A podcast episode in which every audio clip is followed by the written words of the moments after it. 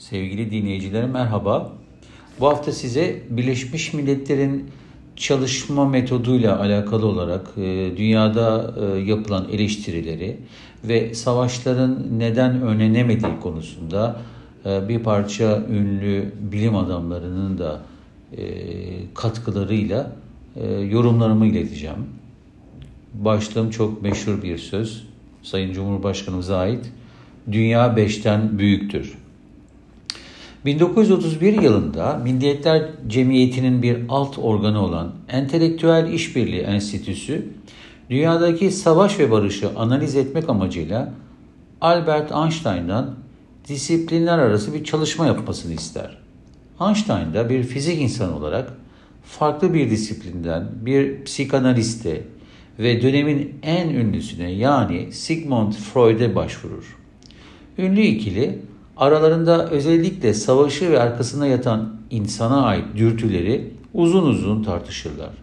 Savaşın önlenmesi için fikir alışverişine bulunurlar. Milletler Cemiyeti bildiğiniz gibi büyük yıkım getiren Birinci Dünya Savaşı sonrasında Amerika Birleşik Devletleri dışında tüm büyük ve küçük devletlerin katılımıyla kurulmuştu.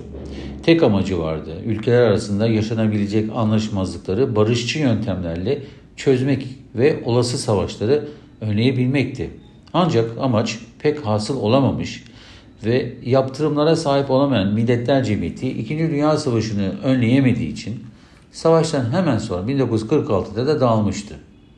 Onun yerine gelen ve başta Güvenlik Konseyi olmak üzere bugün hala çeşitli organlarıyla aktif olarak çalışan Birleşmiş Milletler Örgütü, öncülü Milletler Cemiyeti'ne göre çok daha kurumsal, tüm alt organlarının faal olduğu, yaptırımlara sahip, hatta dünyanın herhangi bir bölgesinde çıkan çatışmayı durdurmak ve barışı getirmek için asker gönderen, barış gücü adına askeri operasyonlar düzenleyen ve neredeyse dünyada var olan tüm ülkeleri içine alan devasa bir örgüt, Birleşmiş Milletler Örgütü. Evet, Birleşmiş Milletler kurulduğu 1945 yılından beri yeryüzü yeni bir dünya savaşı görmedi ama dünyanın her köşesinde yerel savaşlar, işgaller bugüne kadar Birleşmiş Milletler'e rağmen hiç eksik olmadı. Kurulma amacı olan savaşları önleme adına yaptırım kararı almalarına olanak sağlayan tüzüğüne rağmen tıpkı Milletler Cemiyeti gibi başarılı olamama nedenini bugün dünya tartışıyor. Cumhurbaşkanı Tayyip Erdoğan'ın uzun bir süredir dile getirdiği çok yerinde bir saptaması olan dünya beşten büyüktür sözünün arkasında Birleşmiş Milletler'in işte bu savaşları önleyememe gerçeği yatmakta. Farklı siyasi ve ekonomik kutuplarda bulunan Birleşmiş Milletler Güvenlik Konseyi'nin 5 daimi üyesinin diğer bir deyişle Amerika Birleşik Devletleri, Rusya, Çin, Fransa ve İngiltere'nin konseyde alınacak siyasi veya askeri bir kararı veto etme etkisine sahip olduğu bir modelde barışın gerektirdiği ortak kararın alınabilmesi hayalden öteye geçememekte. Zira yaptırım uygulanması veya askeri barış operasyonu düzenlenmesi gereken ülkeler bu beş daimi üyenin dostu veya bölgede stratejik ortağı olduğu durumda karar beş üyeden biri tarafından rahatlıkla veto edilebiliyor. Böylelikle bölgedeki yangının söndürülmesi ya sonsuza değin uzuyor ya da ancak büyük insani ve maddi kayıplardan sonra çözüm yoluna gidiliyor.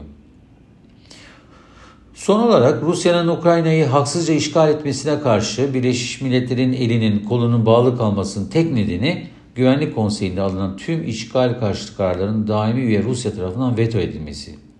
Bu durumda Rus işgalinin Birleşmiş Milletler yaptırımları ile durdurulmasının mümkün olmaması Birleşmiş Milletler'in temelde işlevsizliğine hazin bir örnek teşkil ediyor son tatilde.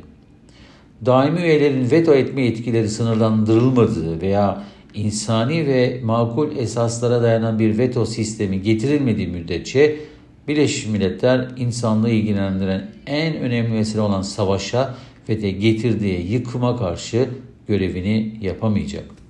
Bunu başaramayan devasa örgüt uluslararası meselelerin sadece ve sadece müzakere edildiği bir platformdan öteye gidemeyecek.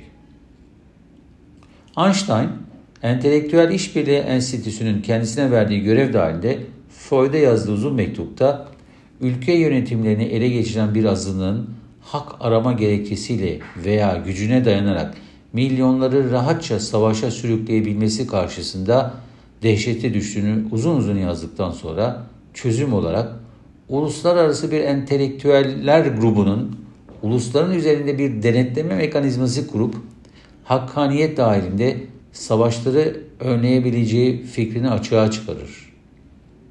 Einstein'ın bu ütopik bulunabilecek fikri büyük ihtimalle ünlü düşünür Platon'un ülkelerin en iyi ve en adil şekilde yönetilmesinin tek yolunun halkın başında filozof kral olmasından geçtiği önermesinden yola çıkmıştı. Şöyle der Einstein Freud'e. Seçkin aydınlar bugün halkların tarihi üzerinde doğrudan doğruya hiçbir etkide bulunamıyor. Oraya buraya dağılmış bulunmaları günün sorunlarının çözümlenmesine doğrudan doğruya katılmalarına engel oluyor. Yaptıkları ve yarattıklarıyla yetilerini ve iyi niyetlerini göstermiş olanların kendiliklerinden bir araya gelmesi dünyaya bir değişiklik getiremez miydi dersiniz? Üyeleri birbirleriyle sürekli düşünce alışverişinin içinde bulunacak olan bu uluslararası birleşme tutumlarını başında ortaya koyarak imzalarının sorumluluğunu yüklenerek politik sorunların çözümü üzerine önemli ve uyarıcı bir etki de sağlayabilir. Freud bu öneriye pek somut bir yanıt vermez zira onun düşünce ve psikanaliz dünyasında insanı savaşa götürenin bireyin yaratılıştan beri sahip olduğu ölüm içgüdüsüdür. Yok edici alt güdüleri ortaya çıkaran insan doğasının bu özelliği özellikle çıkar çatışmalarında çözümü şiddet kullanmakta görür der Freud. Sigmund Freud kültürel gelişme oldukça insan zekasının savaşları önleyebilecek şekilde içgüdülerine hakim olmaya başlayabileceğini savını da ileri sürer. Lakin bunun ne şekilde olunabileceği kendisinin bile bilmediğini söyler.